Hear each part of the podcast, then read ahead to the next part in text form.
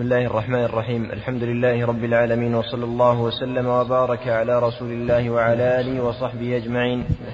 أما بعد فغفر الله لك. قال الإمام مسلم رحمه الله تعالى بسم الله الرحمن الرحيم. كتاب الآداب والاستئذان. حدثنا أبو كريب محمد بن العلاء وابن أبي عمر قال الآداب والاستئذان. كتاب الأدب وسيأتي كتاب الاستئذان.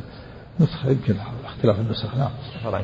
حدثنا أبو كريب محمد بن العلاء وابن أبي عمر قال أبو كريب أخبرنا وقال ابن أبي عمر حدثنا واللفظ له قال حدثنا قال حدثنا مروان يعنيان الفزاري عن حميد عن أنس رضي الله عنه قال نادى رجل رجلا بالبقيع يا أبا القاسم.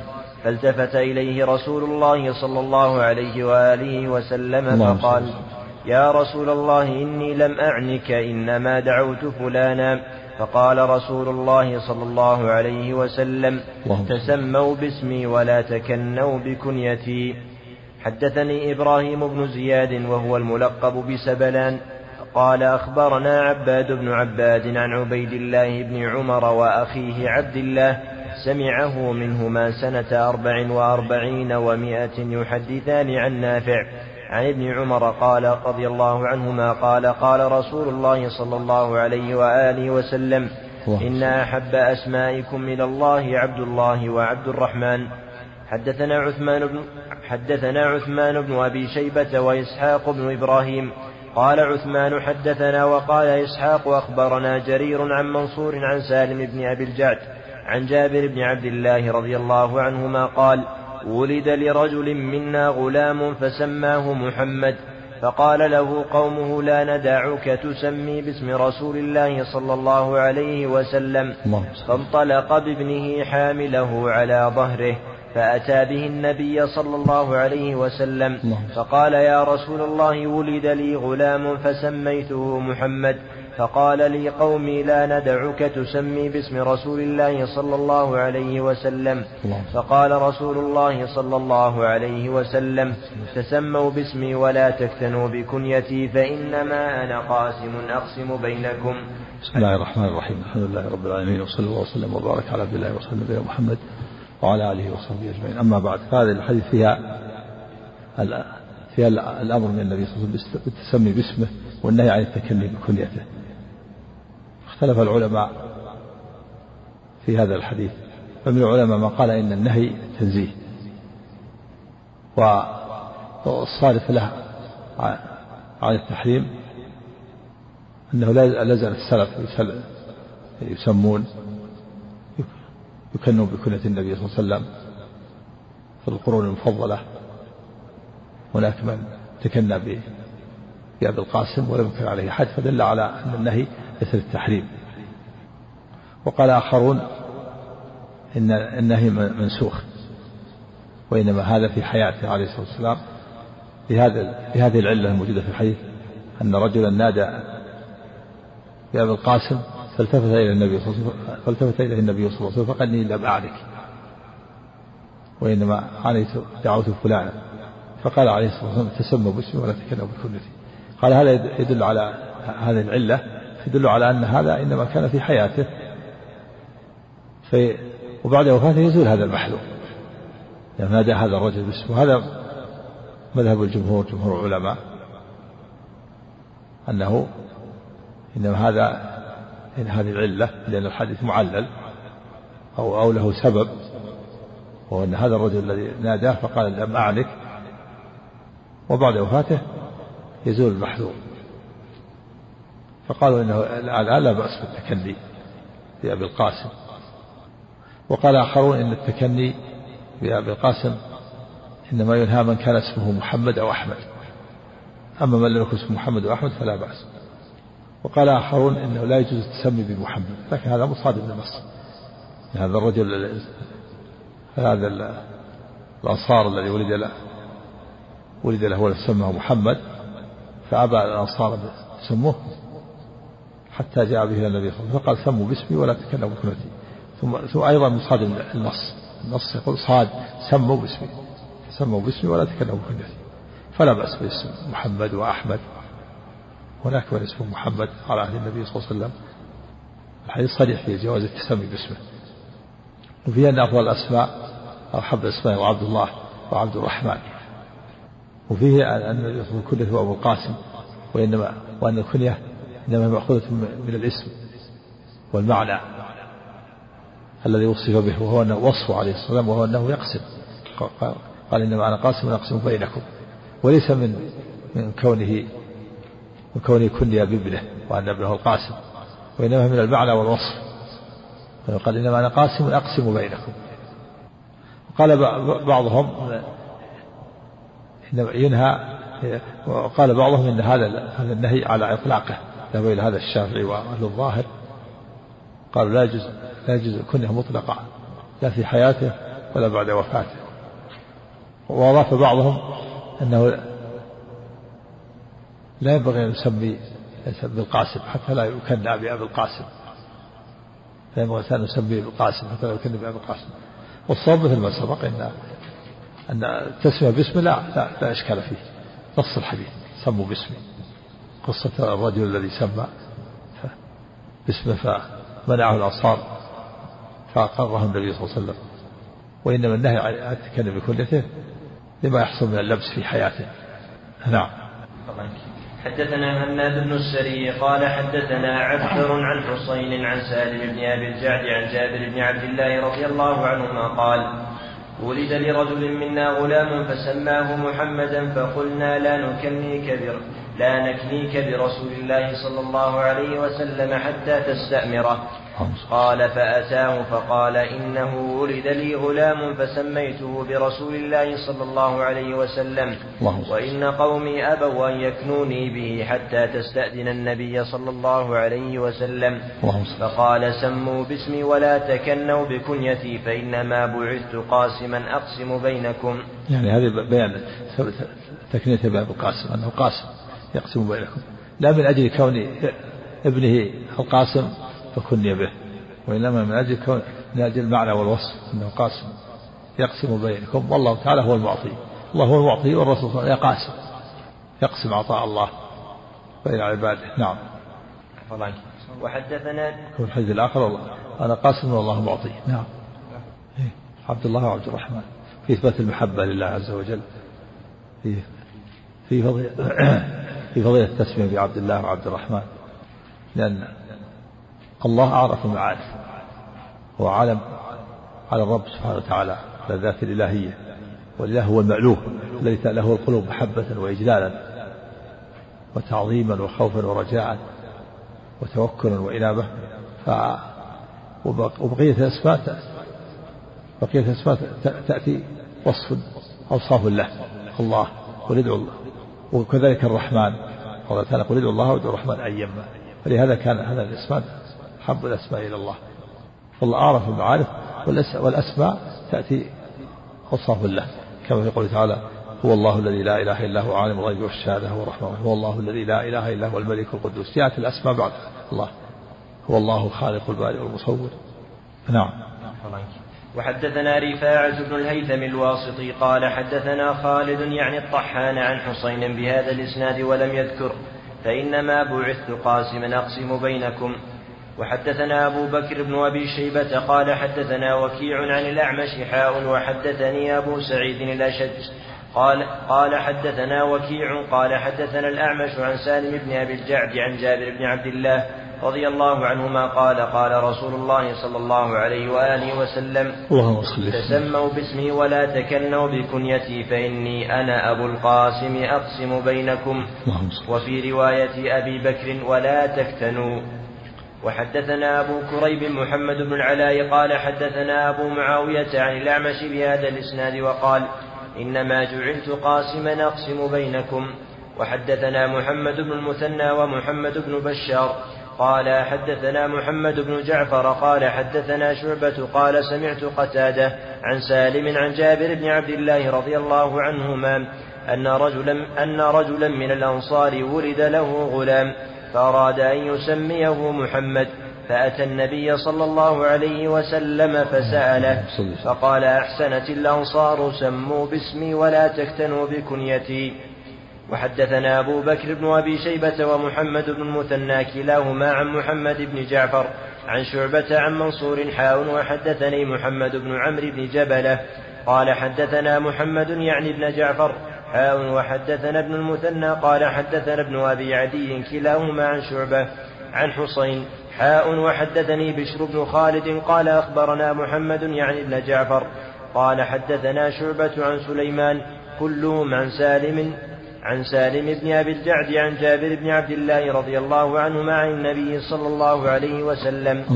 حاء وحدثنا إسحاق بن إبراهيم الحنظلي وإسحاق بن منصور. قال أخبرنا النضر بن شميل قال حدثنا شعبة عن قتادة ومنصور وسليمان وحسين بن عبد الرحمن قالوا سمعنا سالم بن أبي الجعد عن جابر بن عبد الله عن النبي صلى الله عليه وسلم بنحو حديث من ذكرنا حديثهم من قبل وفي حديث النضر عن شعبة قال وزاد فيه حسين وسليمان قال حسين قال رسول الله صلى الله عليه وسلم إنما بعثت قاسما أقسم بينكم وقال سليمان فإنما أنا قاسم أقسم بينكم.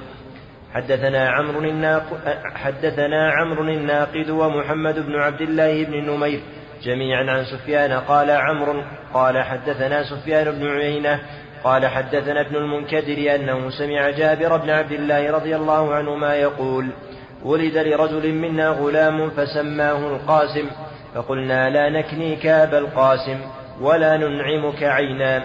فأتى النبي صلى الله عليه وسلم فذكر ذلك له فقال أسم ابنك عبد الرحمن. نعم. وحدثني أمية بن بسطام قال حدثنا هذا فيه أن سماه القاسم غيره النبي صلى الله عليه وسلم سماه عبد الرحمن.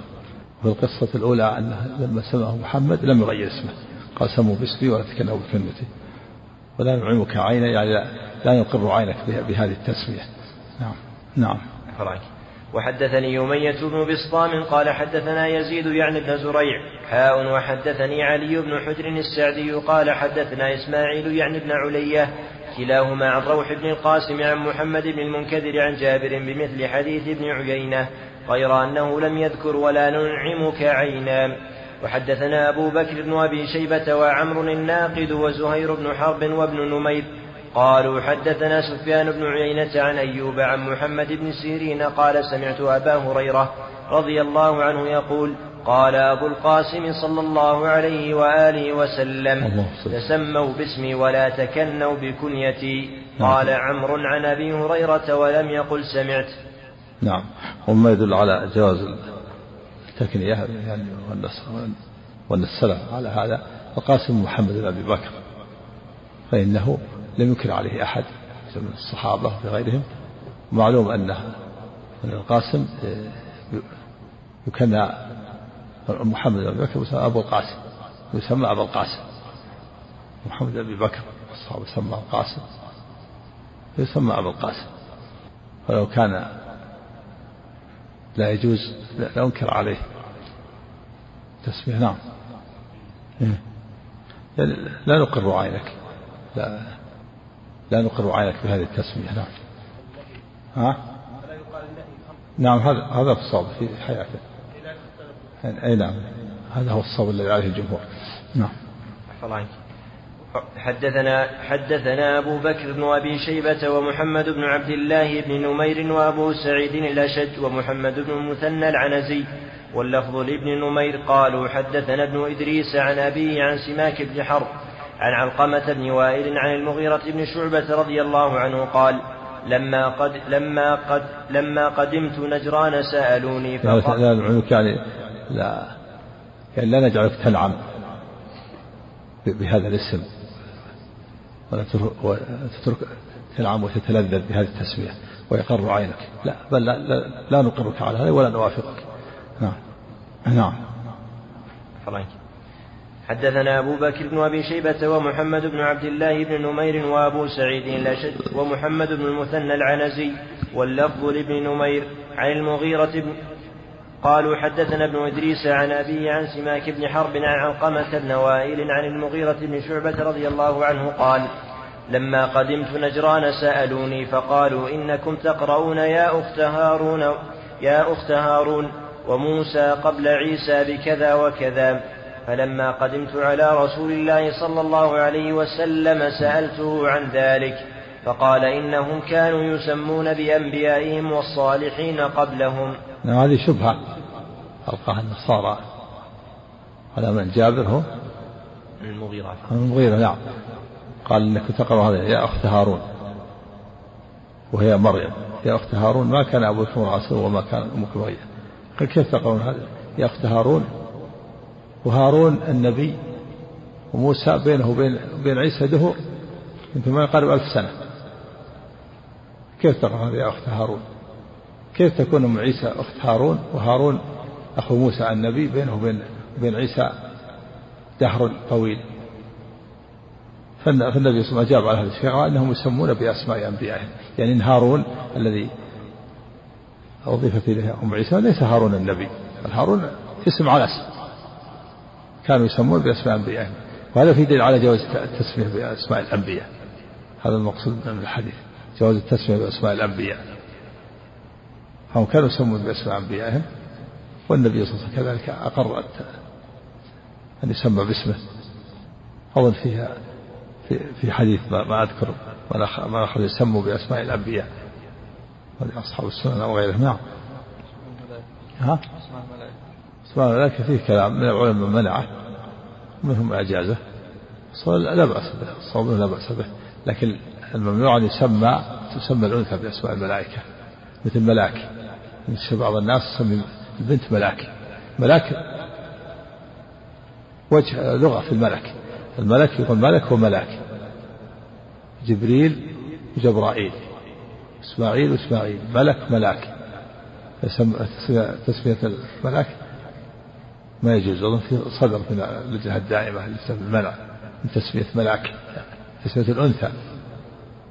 لأن هذا تنقص الملائكة ولأن هذا في مشابهة المشركين الذين يسمون يجعلون الملائكة إناث قال الله تعالى إن الذين لا يؤمنون بالآخرة لا يسمون الملائكة تسمية الأنثى. لكن تسمية الرجل لا بأس. لأن لأن الملائكة خاطبوا من خطاب الذكور. مرنا أمس بال أو في الدرس الماضي أن قبل نقل ذكر له عن سعيد المسيب وغيره أنه أنهم لا الملائكة لا يوصفون بأوصاف الذكورة والأنوثة وهذا غلط. خطاب بأوصاف الذكر خاطبوا بخطاب الذكور الملائكة. هذا جبريل هذا يقرأ عليك السلام. بخطاب الأنثى نعم. حدثنا يحيى بن يحيى وأبو بكر بن أبي شيبة قال أبو بكر حدثنا معتمر بن سليمان عن الركين عن أبيه عن سمرة. وقال يحيى أخبرنا المعتمر بن سليمان قال سمعت الركين يحدث عن أبيه عن سمرة بن عن سمرة ابن جندب رضي الله عنه قال نهانا رسول الله صلى الله عليه وآله وسلم أن نسمي رقيقنا بأربعة أسماء أفلح ورباح ويسار ونافع. وحدثنا قتيبة بن سعيد قال حدثنا جرير عن الركين بن الربيع عن أبيه عن سمرة بن جندب رضي الله عنه قال قال رسول الله صلى الله عليه وآله وسلم. لا تسمي غلامك رباحا ولا يسارا ولا أفلح ولا نافعا. نعم ولا كان عبدك لا تسمي يسار ولا نافع ولا أفلح. نعم. حدثنا أحمد بن عبد الله بن يونس قال حدثنا زهير قال حدثنا منصور عن هلال بن يساف عن ربيعة بن ابن عميلة عن سمرة ربيعة إيش؟ عميلة؟ نعم تصغير نعم. ضبط عندك؟ ما ذكر؟ نعم. ها؟ يأتي يأتي الكلام فيها. نعم في الحديث. نعم. عن سمرة بن جندب رضي الله عنه قال قال رسول الله صلى الله عليه وسلم أحب الكلام إلى الله أربع سبحان الله والحمد لله ولا إله إلا الله والله أكبر لا يضرك بأيهن بدأت. نعم هذا حب الكلام إلى الله هذا حب الكلام هذه الأربعة يعني بعد كلام الله وكلام الله هو أحب الكلام الله أحب الكلام أحب الكلام وأفضل الكلام كلام الله. ثم كلام الناس أحب كلام الله هذه الأربعة. سبحان الله والحمد لله ولا إله إلا الله أكبر يعني من كلام الناس. وكلام الله هو أفضل الكلام. وبعد كلام الله تأتي هذه الكلمات الأربعة. نعم. عفوا ولا تسمين غلامك يسارا ولا رباحا ولا نجيحا ولا أفلح فإنك تقول أتمه فلا يكون فيقول لا إنما هن أربع فلا فلا تزيد. هذا العلة. العلة يقال أتمه ثم رباح يقول لا ما في رباح. يعني هل موجود رباح؟ يقول عندكم رباح يقول لا ما عندنا رباح. وهذا نفي للربح. يعني هذا العلة في النهي. بين النبي العلة يعني يسأل عنه فيقال فلان موجود رباح موجود. فيقول لا رباح ما عندنا رباح. وهذا غلط. يعني لما فيه يعني من نفي الربح. هل عندك أنجح؟ يقول لا ما عندنا نجاح. وهذا غلط. يعني ينبغي الإنسان أن يتفاعل. هذا ينافي التفاعل. فالنبي صلى الله عليه وسلم نهى عنها لهذه لأنه قد يسأل عنه فيجاب بالنفي. فيقال ليس عندنا يسار ولا عندنا ولا عندنا يسار. إذا ما ما عندنا يسار. عندكم يسار؟ فيقول لا ما عندنا يسار. جلس عندكم عسار إذا؟ عندكم رباح؟ أتم رباح؟ قال لا ما عندنا رباح. إذا عندكم خسران؟ هذا هو العلة في النهي. قال إيش؟ أتم إيه؟ فإنه ولا تسمين غلامك يسارا ولا رباحا ولا نجيحا ولا أفلح فإنك تقول أتمه وفلا يكون فيقول لا. نعم. لما في ذلك من يعني نفي لما في ذلك من النفي إذا سئل عنه. نعم. نعم. ها؟ يأتي الآن الرخصة فيه نعم يأتي. نعم طيب. قال إنما هن أربع فلا تزيدن علي وحدثنا إسحاق بن إبراهيم قال أخبرني جرير حاء وحدثنا أمية بن بسطام قال حدثنا يزيد بن زريع قال حدثنا روح وهو ابن القاسم حاء وحدثني حاء وحدثنا محمد بن المثنى وابن بشار قال حدثنا محمد بن جعفر قال حدثنا شعبة كلهم عن منصور بإسناد زهير فأما حديث جرير وروح فكمثل حديث زهير بقصته وأما حديث شعبة فليس فيه إلا ذكر تسمية الغلام ولم يذكر الكلام الأربع.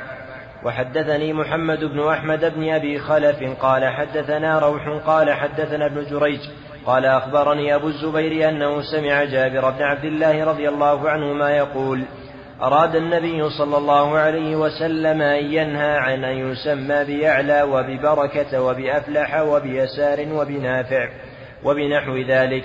ثم رأيته سكت بعد عنها ولم يقل شيئا رأيته إيش؟ أراد أنه عمن عمن أنه قال أخبرني أبو الزبير أنه سمع جابر بن عبد الله رضي الله عنهما يقول أراد النبي صلى الله عليه وسلم أن ينهى عن أن يسمى بيعلى وببركة وبأفلح وبيسار وبنافع وبنحو ذلك ثم رأيته سكت بعد عنها ولم يقل شيئا. رأيته إيش؟ أراد أن عمن عمن أنه قال أخبرني أبو الزبير أنه سمع جابر بن عبد الله رضي الله عنهما يقول أراد النبي صلى الله عليه وسلم أن ينهى عن أن ينهى عن أن يسمى بيعلى وببركة وبأفلح وبيسار وبنافع وبنحو ذلك. ثم رأيته سكت بعد عنها ولم يقل شيئا. ثم قبض رسول الله صلى الله عليه وسلم ولم ينهى عن ذلك نعم. ثم أراد عمر أن ينهى عن ذلك ثم تركه. نعم وهذا يدل على النهي السابق ليس للتحريم وإنما هو للتنزيه أو أنه منسوخ. بدل النبي نهى أولا ثم ثم أراد أن ينهى كما قال جابر فقبض عليه الصلاة والسلام. ويدل على ذلك أن النبي صلى الله عليه وسلم ما غير أم, أم بركة ما غير اسمها وكذلك ابن عمر ما غير اسم نافع مولاه.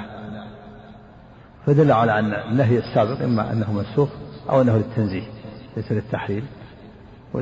والصالح لعن التحريم أن النبي صلى الله عليه وسلم ترك النهي عن ذلك في آخر حياته. حتى قبض عليه الصلاة والسلام ولم ينهى عنه. والعلة كما سبق أنه يسأل الإنسان عنه في البيت فينفي فينفي وجوده. فكره كل إنسان ينفي الرباح أو ينفي هل عندك رضاح يقول ما عندي رضاح عندك نجاح؟ يقول ما عندنا نجاح. كره نفي هذا الشيء. ينبغي الإنسان ألا يأتي مثله بل يتفاعل. نعم. عفوا حدثنا أحمد بن حنبل وزهير بن حرب ومحمد بن المثنى. هذا رواية الإمام مسلم عن أحمد عن الإمام أحمد بن حنبل روى عنه كثير. أما البخاري ما روى عنه إلا قليل في موضع موضعين لأن البخاري شارك الإمام أحمد في شيوخه في كثير من شيوخه فلهذا رواية البخاري عن أحمد قليلة. في موضع أو موضعين. أما مسلم روى فإنه روى عن أحمد وروى عن البخاري فهو تلميذ لهما. نعم. نقل النووي وروى أبو داود في سننه هذا الحديث عن أبي سفيان عن جابر. قال الرسول صلى الله عليه وسلم إن عشت إن شاء الله أنهى أمتي أن يسموا نافعا وأفلح وبركة. ما أخرجه من عزى على من؟ أزاله لأبي داود. إن عشت. إن عشت إن شاء الله أنهى أمتي أن يسموا نافعا وأفلح وبركة. في هذه جابر أنه أنه لم ينهى أراد أنها ثم ترك. يحتاج إلى تأمل. سبب. لما لم ينهى الآن؟ قال عشت. نعم. نعم. حدثنا أحمد ونهى. سبق أنه نهى. لكن يحتمل سألها يعني نهي تحريم. يكون أول التنزيه عنه. ولا نهى ونهى سبقا قال لا تسموا لا تسموا ولا بك يسارا ولا ولا رباحا. فكيف يقول عشت كأنها مع أنه نهى إن صح الحديث يعني إن عشت فسأنها نهي تحريم ولا نهى عن نهي تنزيه. إن صح لأنه نهى كيف يقول عشت فسأنها وقد نهى ولكن راجع الحديث هل هو صحيح ولا نعم. هذا إن صح يحتاج إلى الجواب. أما إذا لم يصح فلا إشكال. نعم. حدثنا أحمد بن حنبل وزهير بن حرب ومحمد بن المثنى وعبيد الله بن سعيد ومحمد بن بشار. قالوا حدثنا يحيى بن سعيد عن عبيد الله قال أخبرني نافع عن ابن عمر رضي الله عنهما أن رسول الله صلى الله عليه وسلم غير اسم عاصية أن رسول الله صلى الله عليه وسلم غير اسم عاصية وقال أنت جميلة. قال أحمد مكان أخبرني عن يعني كره اسم العصيان غير عاصية إلى لأنه غير الأسماء مكروهة وغير اسم برة إلى زينب لما في من التزكية كما سيأتي نعم حدثنا أبو, أبو بكر بن أبي شيبة قال حدثنا الحسن بن موسى قال حدثنا حماد بن سلمة عن عبيد الله عن نافع عن ابن عمر رضي الله عنهما أن ابنة لعمر كانت يقال لها عاصية سماها رسول الله صلى الله عليه وسلم جميلة. حدثنا عمرو الناقد وابن أبي عمر واللفظ لعمر قال حدثنا سفيان عن محمد بن عبد الرحمن مولى آل طلحة عن كريب عن ابن عباس رضي الله عنهما قال كانت جو كانت جوير كانت جويرية اسمها برة فحول رسول الله صلى الله عليه وسلم اسم اسمها جويرية. لما فيها التزكية. ويسار وأفلح وأنجح هذا أيضا فيها نوع من التزكية. ولعل النهي. النهي لأنه كما ورد في الحديث أنه يسأل عنه فيقال أتمه فيقال لا. ولأنه فيه نوع من التزكية أيضا أفلح ويسار. ولكنها ليست مثل مثل برة. هذا غير اسم برة وهذه الأسماء نهى عنها نهي تنزيه. نعم. صالح اسم النبي من الأنبياء اسم الأنبياء. لا بأس بالتسمية باسماء الأنبياء. نعم. اسمه حزم. اسمه حزم. هذا هذا المؤلخ محمد بن يسار. ها؟ عبد إسحاق بن يسار. نعم. حدث فحول رسول الله صلى الله عليه وسلم. حزم اسمه. اسمه قال لا زالت الحزونة فينا غير تقدم جده على النبي صلى الله عليه وسلم قال فقال أراد أن يغير اسمه أسمه كذا قال لا أغير اسمه سمعني أهلي أو أسمى أبي. قال سعيد فما زالت الحزونة فينا بعده نعم. قالت كان جوي كانت جويرية كانت جويرية. اسمها محمد بن إسحاق بن يسار صاحب السيرة. صاحب السيرة. محمد بن إسحاق بن يسار نعم. كانت جويري كانت جويرية اسمها برة فحول رسول الله صلى الله عليه وسلم اسمها جويرية. وكان يكره أن يقال خرج من عند برة. نعم لما في التزكية نعم. وفي حديث ابن أبي عمر عن كريب قال سمعت ابن عباس حدثنا أبو بكر بن أبي شيبة ومحمد بن المثنى ومحمد بن بشار قالوا حدثنا محمد بن جعفر قال حدثنا شعبة عن عطاء بن أبي ميمونة قال سمعت أبا رافع يحدث عن أبي هريرة حاء وحدثنا عبيد الله بن معاذ قال حدثنا أبي قال حدثنا شعبة عن عطاء بن أبي ميمونة عن أبي رافع عن أبي هريرة رضي الله عنه أن زينب كان اسمها برة فقيل تزكي نفسها فسماها رسول الله صلى الله عليه وسلم زينب نعم. فقيل تزكي نفسها هذا يعني من التزكية. نعم. ولفظ الحديث لهؤلاء دون ابن دون ابن بشار ابن بشار. وقال ابن أبي شيبة حدثنا محمد بن جعفر عن شعبة. حدثني إسحاق بن إبراهيم قال أخبرنا عيسى بن يونس حاء وحدثنا أبو كريب قال حدثنا أبو اسامه قال حدثنا الوليد بن كثير. قال حدثني محمد بن عمرو بن عطاء. قال حدثتني زينب بنت زينب زينب بنت أم سلمة قال قالت كان كان اسمي برا فسماني رسول الله صلى الله عليه وسلم زينب. قالت ودخل ودخلت قالت ودخلت عليه زينب بنت جحش واسمها برة فسماها زينب. حدثنا عمرو الناقد قال حدثنا اسم اسم هدى واسم إيمان الآن منتشر الآن. هل يقال فيه تزكية مثل برة فلا ينبغي أن يسمى. أو ليس فيه تزكية مثل أو تركه أولى مثل يسار وأفلح نجاح. من محل تأمل ومثل صالح اسم أسماء الأنبياء اسم نبي الله صالح ومع ذلك فيه نوع من الصلاح التزكية. هذا محتمل. قد يقال ترك أولى يعني ترك تسمية هدى وإيمان قد يقال ترك أولى من جنس يسار وأفلح. لكن القول بالمنع يعني يحتاج إلى تأمل. هل هو مثل برة التي غيرها النبي صلى الله عليه وسلم؟ هذه صريحة في البر برة. نعم. نعم. ها؟ لعل لعل ترك أولى يكون ترك أولى. نعم. ما يصلح مثل برة. هذا مثل برة هذا غيرها النبي. أبرار جمع. ينبغي نعم برة ينبغي يتغير الله تعالى أعلم بأهل البر منكم. برة برة برار اشتقاق واحد. هذا غيرها النبي صلى الله عليه وسلم. نعم. ها؟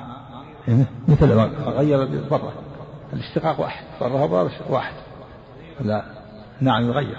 هذا يغيرها النبي صلى الله عليه وسلم. لو كان جائز ما مثل يسار وافلح أراد أن ينهى ثم ترك. نعم. نعم. حدثنا عمرو الناقد قال حدثنا هاشم بن القاسم قال حدثنا الليث عن يزيد بن أبي حبيب عن محمد بن عمرو بن عطاء قال سميت ابنتي برة فقالت لي زينب بنت أبي سلمة إن رسول الله صلى الله عليه وسلم نهى عن هذا الاسم وسميت برة. وسم وسميت برة فقال رسول الله صلى الله عليه وسلم لا تزكوا أنفسكم الله أعلم بأهل البر منكم. فقالوا هذه هذه هذه العلة. لا تزكوا أنفسكم الله أعلم بأهل البر منكم. هذا لما في التزكية يشبه التزكية برة وأبرار نفس الاشتقاق. كلمة واحدة برة وأبرار واحد. نعم. أحسن الله فقالوا بما نسميها؟ قال سموها زينب. حدثنا سعيد بن عمرو الأشعثي وأحمد بن حنبل وأبو بكر وأبو بكر بن أبي شيبة واللفظ لأحمد. قال الأشعثي أخبرنا وقال الآخران حدثنا سفيان بن عيينة عن أبي الزناد عن الأعرج عن أبي هريرة رضي الله عنه عن النبي صلى الله عليه وسلم قال إن أقنع اسم عند الله رجل تسمى ملك الأملاك زاد ابن أبي شيبة في روايته لا مالك إلا الله. قال الأشعثي قال سفيان مثل مثل شاه شاهان شاه. يعني شاهان شاه عند العجم. شاهين شاه هم معنى ملك الأملاك عند العجم. شاهن شاهان ملك شاه الأملاك. والعجم يقدمون المضاف إليه على المضاف. قدمون المضاف إليه على المضاف. ملك الأملاك شاهان الشاه يقدم شاه شاهان الأملاك. شاه ملك الأملاك ملك يقدم المضاف على المضاف إليه العجب فشاهان شاه هو معنى ملك الأملاك. نعم. نعم. قال أحمد رحم قال أحمد بن حنبل رحمه الله سألت أبا عمرو عن أخنع فقال أوضع. أبا عمرو اللغوي مشهور. معنى أخنع أوضع. وقيل معنى أخنع أخبث. نعم. أوضع وأحقر اسم ملك الأملاك. ويدل على تحريم اسم ملك الأملاك. وأنه من المحرمات الغليظة. لأن هذا أسماء الله. الله هو ملك الأملاك سبحانه ملك الملوك حاكم مثل حاكم الحكام. سلطان السلاطين. قاضي القضاة. هذه القضاة بعض تساهل فيها بعض الناس. صاروا يسمون بعض قال فلان في بعض الأزمنة قال يسمون رئيس القضاة قاضي القضاة الشيخ محمد بن الوهاب رحمه الله بوب على قال والتسمي بقاضي القضاة ونحوه في كتاب التوحيد. باب والتسمي بقاضي القضاة ونحوه وذكر هذا الحديث. إن أخي عند الله رجل تسمى ملك الملاك لا ملك إلا الله. وفي لفظ الأغيض أي أخبث فدل على المحرمات الغليظة. وما في منافذ الحاكم الحكام سلطان الصادق قال القرآن كما كما بوب الإمام رحمه الله الشيخ محمد الوهاب باب وتسمي بقاضي القضاة ما ما بوب بباب تسمي ملك الملوك يريد أن يقيس عليه والمعنى واحد قاضي القضاة مثل ملك الملوك اللي ورد في الحديث. تجد بعضهم بعض بعض الدول أو الدولة العباسية أو الأموية وما بعدها من الدول يسمون قالوا فلان قاضي القضاة فلان قاضي القضاة من باب التساهل يعني رئيس القضاة قاضي القضاة في الدولة الفلانية فلان ابن فلان. وهذا غلط ينبغي أن يسمى رئيس القضاة نعم. ها؟ لا هذه يسأل. ما في ما في قضاء. نعم. أحسن عليك. نعم. حدثنا محمد بن رافع قال حدثنا عبد الرزاق قال أخبرنا معمر عن همام بن منبه قال هذا ما حدثنا أبو هريرة عن رسول الله صلى الله عليه وآله وسلم فذكر أحاديث منها وقال رسول الله صلى الله عليه وسلم أغيض رجل على الله يوم القيامة وأخبثه وأغيظه عليه. رجل كان يسمى ملك الأملاك لا ملك إلا لا ملك إلا الله. فدل على أنه من المحرمات الغليظة. قال أغيظ أخبث أخبث وأوضع وأحقر. اسم اسم ملك الأملاك لما فيه من مشابهة لاسم الله عز وجل. نعم. ها؟ العالم. العالم ما في شيء. شيء نعم. ها؟ هذا وضح هذا نعم. طيب. حدثنا عبد الأعلى بن حماد قال حدثنا حماد بن سلمة عن ثابت البناني عن أنس بن مالك رضي الله عنه قال ذهبت بعبد الله بن أبي طلحة الأنصاري إلى رسول الله صلى الله عليه وسلم حين ولد ورسول الله صلى الله عليه وسلم في عباءة يهنأ بعيرا له فقال هل معك تمر؟ فقلت نعم. فناولته تمرات فألقاهن في فيه فلاكهن ثم فغر ف... ثم فغر ف... ف... فأتى الصبي فمجه في فيه فجعل الصبي يتلمضه قال رسول الله صلى الله عليه وسلم حب الأنصار التمر وسماه عبد الله. عبد الله. حب الأنصار مصدر أو حب الأنصار يعني محبوبه بكسر الحاء حب الأنصار يعني محبوب الأنصار. أو حب الأنصار مصدر. وفيه تواضع النبي صلى الله عليه وسلم ومباشرته العمل بنفسه. جاء إليها أنس بأخي عبد الله وهو يهنى البعير يعني يطلي يطليه عن الجرب. يهنى البعير يعني يطليه بنفسه يباشر بنفسه في تعليم للرؤساء والأمراء والكبراء أن يباشروا العمل بأنفسهم وفي تواضع النبي صلى الله عليه وسلم. ولو أمر أي أحد يطل البعير لا باشر هذا لا سره ذلك لكن النبي صلى الله عليه وسلم أراد أن يعلم أمته التواضع ومباشرة الأعمال بنفسه ينبغي الإنسان أن يباشر الأعمال ولا يكون عنده أنفة. يساعد أهله في البيت. وفيه أيضا أيضا جواز التحنيك تحنيك الصبي وهو دلك حنكه بالتمر أو بالحلو. والصحابة يأتون النبي يحنكه للتبرك. فقال هل معكم تمر؟ أرسلت أم سليم معه تمر. فأخذ التمر فلاكها في فمه ثم فغر فاه الصبي يعني فتح فاه فألقاه في منه. حتى يكون آه، أول شيء يقع في فمه وفي وفي معدته وبطنه ما ما باشر جسد النبي صلى الله عليه وسلم. فجعل الصبي يتلمض فقال انظروا حب الأنصار التمر. حب الأنصار يعني حبوبهم. أو حب نعم مصدر. لا ما ما فصل هذا. لكن هذا خاص بالنبي صلى الله عليه وسلم التبرك المقصود التبرك له. أما التبرك استدلال النووي بالتبرك بالصالحين وأنه ينبغي أن يكون يحنكم الصائم على الأصل. يحنك أي واحد أبوه أو أمه. لكن في حياة النبي صلى الله عليه وسلم يأتون به إلى النبي صلى الله عليه وسلم للتبرك به. لما لامس جسده عليه السلام من البركة لما جاء الله في جسده وما لامس جسده من البركة. هذا خاص بالنبي صلى الله عليه وسلم. وهل هو مستحب التحنيك؟ يعني النووي استنبط من استحباب التحريك. قال إنه مستحب. يعني لأن النبي صلى الله عليه وسلم أقرهم على ذلك. لما جاءوا بيحنكه أقرهم على ذلك. دل على أنه مستحب. لكن هل أمر النبي بالتحريك؟ ما قال حنكوا أولادكم. ولكن السنة تثبت بالقول أو بالفعل أو بالتقرير. وهل اقرر النبي صلى الله عليه وسلم على ان على أنه سنة أو لانها لأجل التبرك في به عليه الصلاة والسلام وما لمس جسده. فأقول بأنه سنة تحتاج إلى دليل واضح. الله عليه وسلم حنكه قد يكون هذا أمر مباح وأن النبي صلى الله عليه وسلم أقرهم على ذلك لأنهم يتبركون به كما يقرهم على أخذ الماء من وضوءه وكما أنهم إذا تنخم جلس في كف واحد منهم فذلك بها وجهه للتبرك وكما أخذت أم سليم سلسة العرق لما نامت عندها جعلته في قارورة لها وقالت إنه الأطيب الطيب يحتاج إلى أيضا جمع الأدلة في في هذا. تحريك ابن القيم ذكر هذا في كتاب الودود في تحفة المولود يراجع كلام ابن القيم في هذا. فإنه جزم بأنه سنة. نعم. بأنه مستحب. نعم. نعم. اجمع إيش؟ الإجماع يحتاج إلى يحتاج إلى مراجعة يحتاج إلى مراجعة. مراجعة كلام كلام العلماء كلام ابن القيم في تحفة الوجود. لعلكم تراجعون إن شاء الله. خيثم نعم.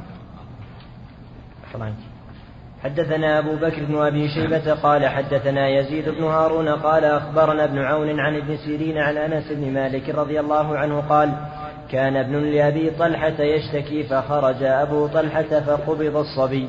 فلما رجع أبو طلحة قال ما فعل ابني؟ قالت أم سليم رضي الله عنها هو أسكن مما كان. فقربت إليه العشاء فتعشى ثم أصاب منها.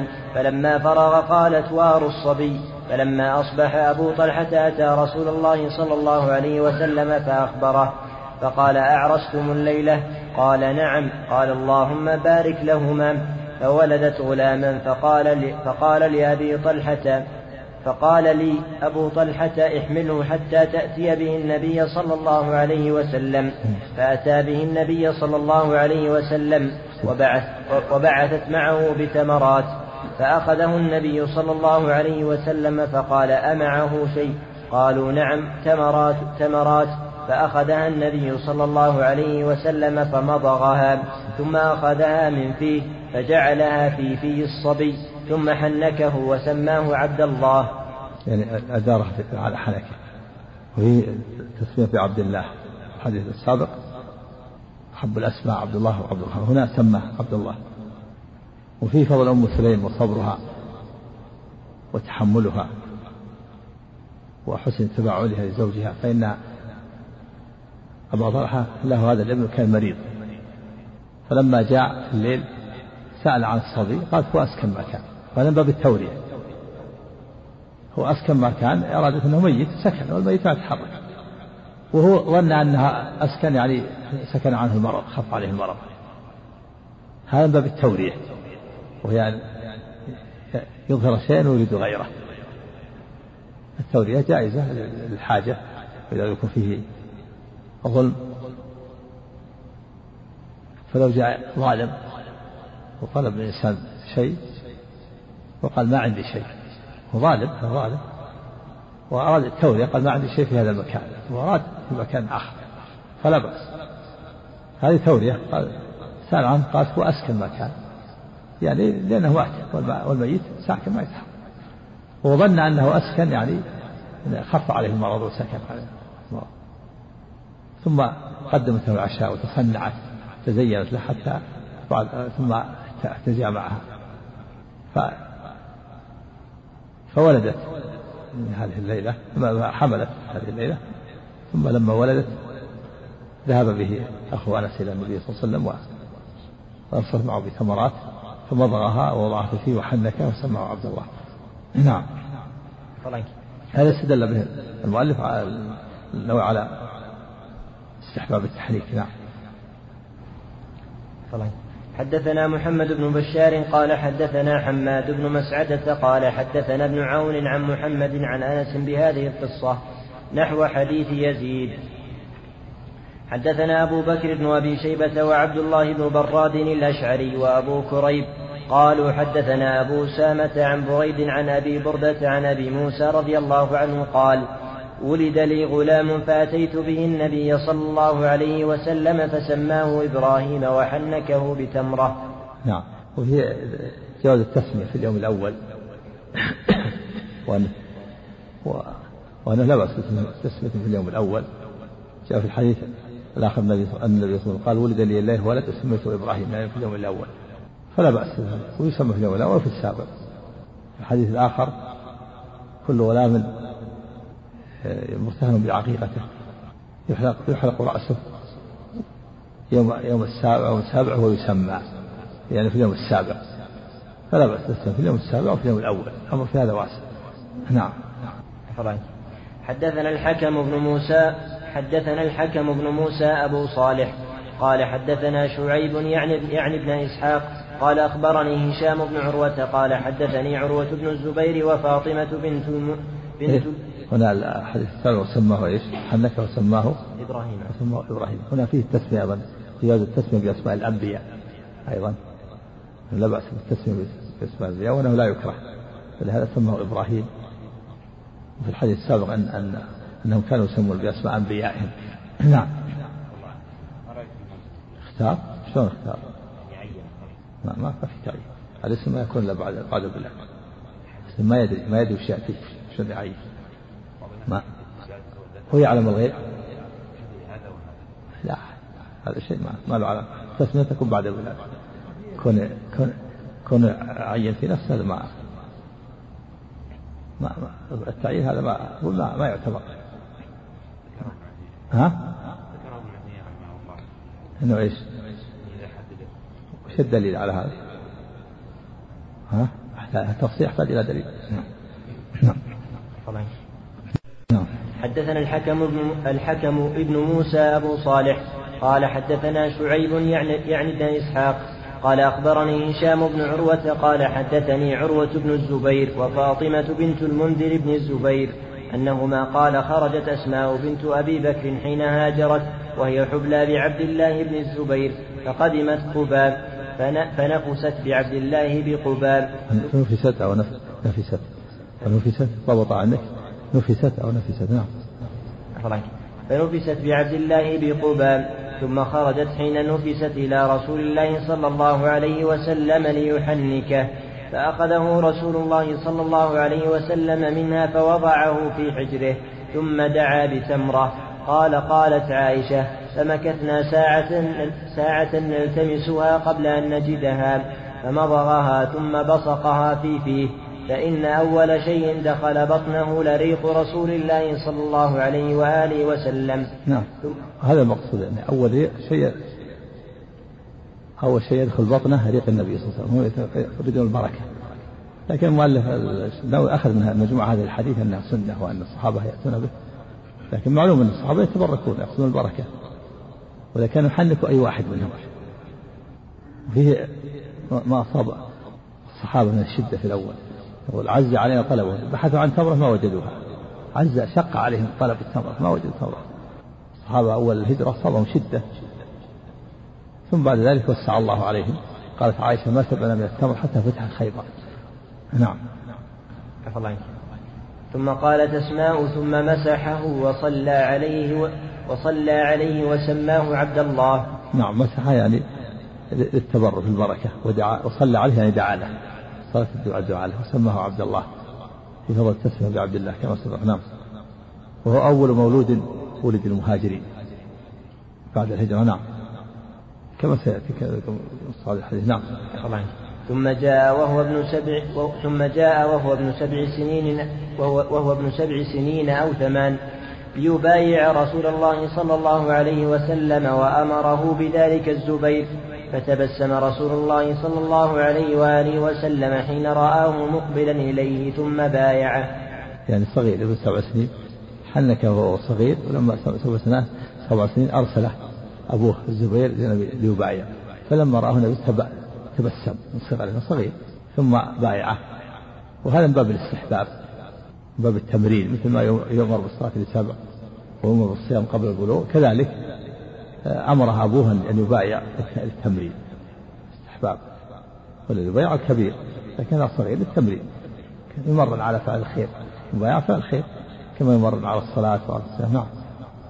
الله حدثنا أبو كريب محمد بن العلاء قال حدثنا أبو أسامة عن هشام عن أبيه عن أسماء رضي الله عنها أنها حملت بعبد الله بن الزبير بمكة قالت فخرجت وأنا متم.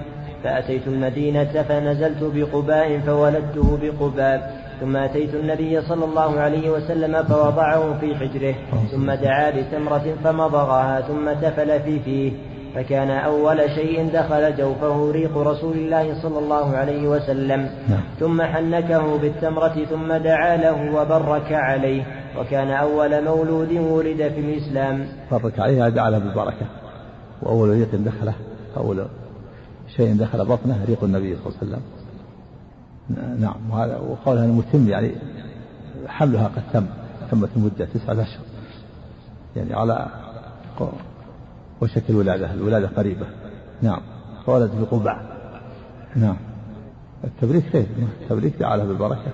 هذا شيء وما برك ومسح وحنك. التحنيك إدارة دلك حنكة بالتمر. والتبريك اللهم بارك فيه والمسح كذلك التبرك إيه. هذا دخل التبريك شيء والتحريك شيء. التبريك دعاء له بالبركة والتحنيك ذلك أسنان حنك بالتمر. نعم. هذا شيء وهذا شيء. الدعاء مستحب. يقول لك الدعاء مستحب والمسح كذلك شيء والتحنيك شيء ثلاثة أشياء دعا له حنك يعني ذلك حنك بالتمر ودعا له برك عليه ومسح ثلاثة أشياء كل واحد. ها؟ النووي هكذا هذا يقول ذكر يحتاج إلى جمع جمع الأدلة في هذا نعم. جمع ما ورد في هذا نعم. حدثنا أبو بكر بن أبي شيبة قال حدثنا خالد بن مخلد عن علي بن مسهر عن هشام بن عروة عن أبيه عن أسماء بنت يعني الاستحباب حكم شرعي. معنى الاستحباب حكم شرعي. يعني يتابع على هذا نعم. والاستحباب لا بد له من من دليل. إما يعني والدليل في القول. لو أمر به ثبت. لكن هل الفعل وحده يكفي في الاستحباب؟ أو التقرير أقر النبي النبي يقر لا يقر على المباح أيضا. يقر على المباح. لما هو بحرام ما ما ينهى عنه. أي معه شيء التحنيك لأنه شيء مباح. معه شيء حتى يحنك قال يحنكه وهو محرم التحنيك جائز. فقالوا حنكوا فقال ما في معنى ها؟ إيه؟ التحريك لا يصل بشيء التحريك لا يصل بشيء مو بالأصبع. التحريك لا بشيء يحركه تمر نعم. حدثنا أبو بكر بن أبي شيبة قال حدثنا خالد بن مخلد عن علي بن مسر عن هشام بن عروة عن أبيه.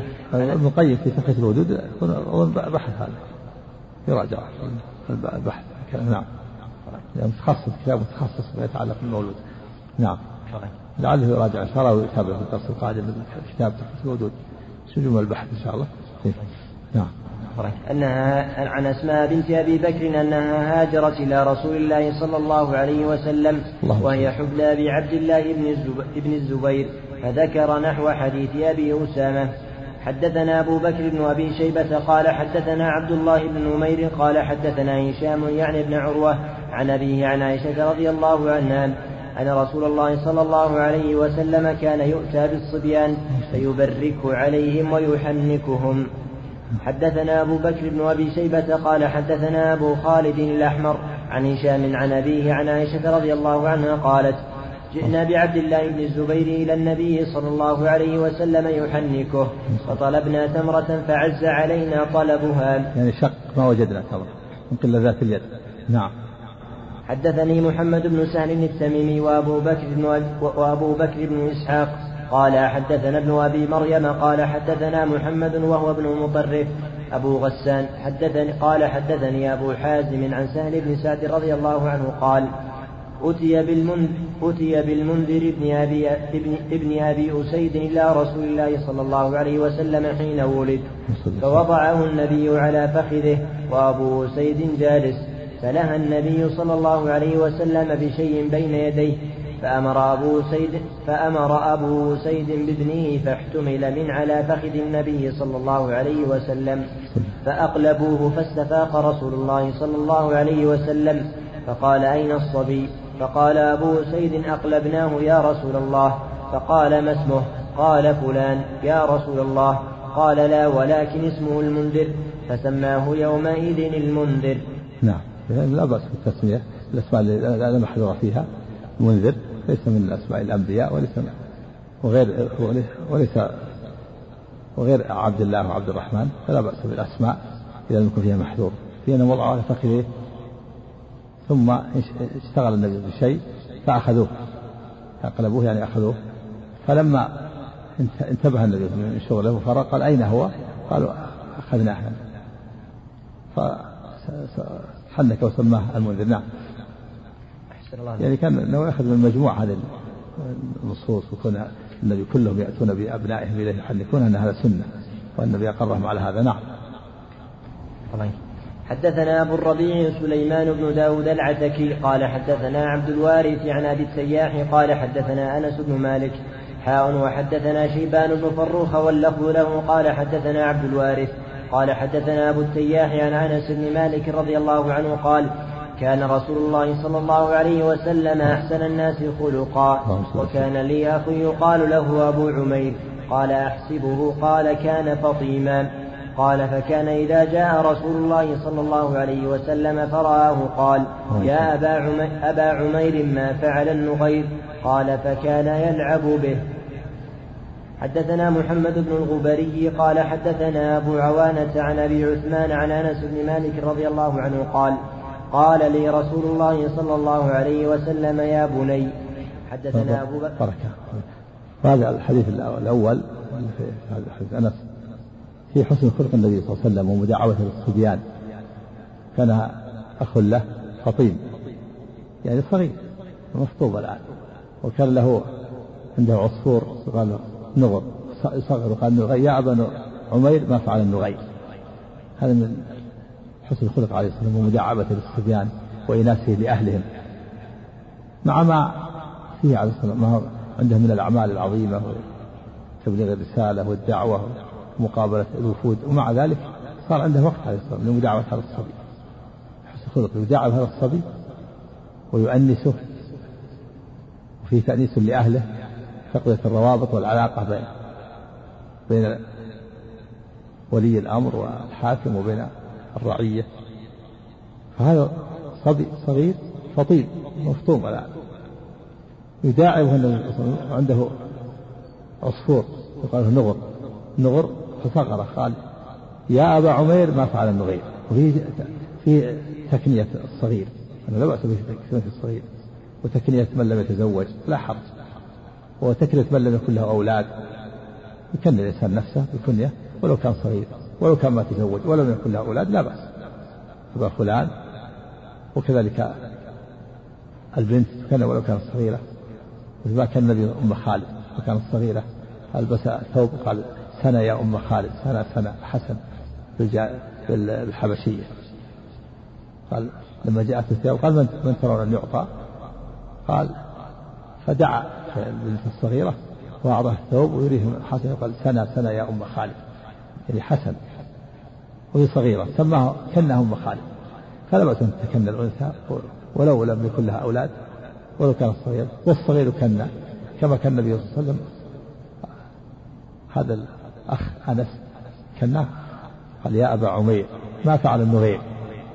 ثم مات وحزن مات العصفور وحزن عليه بعد ذلك. وفيه من الفوائد أيضا جواز إدخال الصيد إلى الحرم المدني والمكي. يعني من المعلوم أنه منهي عن الصيد لا يصاد في الحرم المكي ولا في الحرم المدني وهذا مع أصول العبة كيف؟ لأن أدخل من خارج الحرم.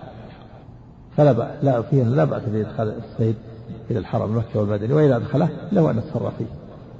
بعض العلماء كالحنابلة وغيرهم يقول إذا دخل الحرم وفي ومعه صيد فإنه يزيل يدها المشاهدة دون يده الحكمية. حكمية يعني لا يزال مملوك له لكن المشاهدة يطلقه ما يمسكه في تزول يده يده المشاهدة ولا تزول يده الحكمية. يده الحكمية هو مملوك له الطيب. ما تزول ملكه إذا دخل الحرم لكن يزيل يده المشاهدة. ما يقبضه يمسكه يخليه حر طليق في الحرم. وإذا خرج من الحرم بس. هذا قول الفقهاء. وقد يقال إن الفرق بين الحرم المكي والحرم المدني لأن الحرم المكي اغلب حرمة لكن الصواب ان أنه إذا كان خارج الحرم وأدخله فلا محذور. المحذور يصيب في الحرم. أما إذا خرج كان داخل خارج الحرم كما في هذا العصفور الذي لأخي أنس أقره النبي عليه أقره النبي صلى الله عليه كان يلعب به. في ذلك على لا بأس باللعب بالطير إذا لم يكن فيه أذية له. نعم سم. ها؟ لا بأس إذا كان ما, ما, ما في إيذاء له. يلعب به ولا إيذاء مثل ما فعل. أخو أنس غره النبي عليه يلعب به. إذا كان لم يكن فيه أذية له ولم يكن فيه تقصير في حق الطير في الطعام نعم. لا الكبيرة الكبيرة هي إما توعد عليه بالنار أو لعنه الغضب لكن هذا في شدة الوعي أغيض هذا جاء في ملك الأملاك. وقال القرآن رخيص عليه قال أغيض وأخبثه نعم. نعم. في نظر. ممنوع. نعم. بعضهم تساهل بعض العلماء. نقف على حديث هذا. نعم. نعم. محمد تسمية محمد. لا فهو مسمى مسمى محمد. معلوم أنه يكنى إذا كان له قاسم يكنى لكن متى ولادة القاسم؟ ها؟ نعم. أي نعم. ظاهر أنه لا يسمى لا, لا يكنى لأنه نهى عن التسمية في حياته. نعم. لكن التسمية التسمية بالقاسم ما نهى عنه نعم.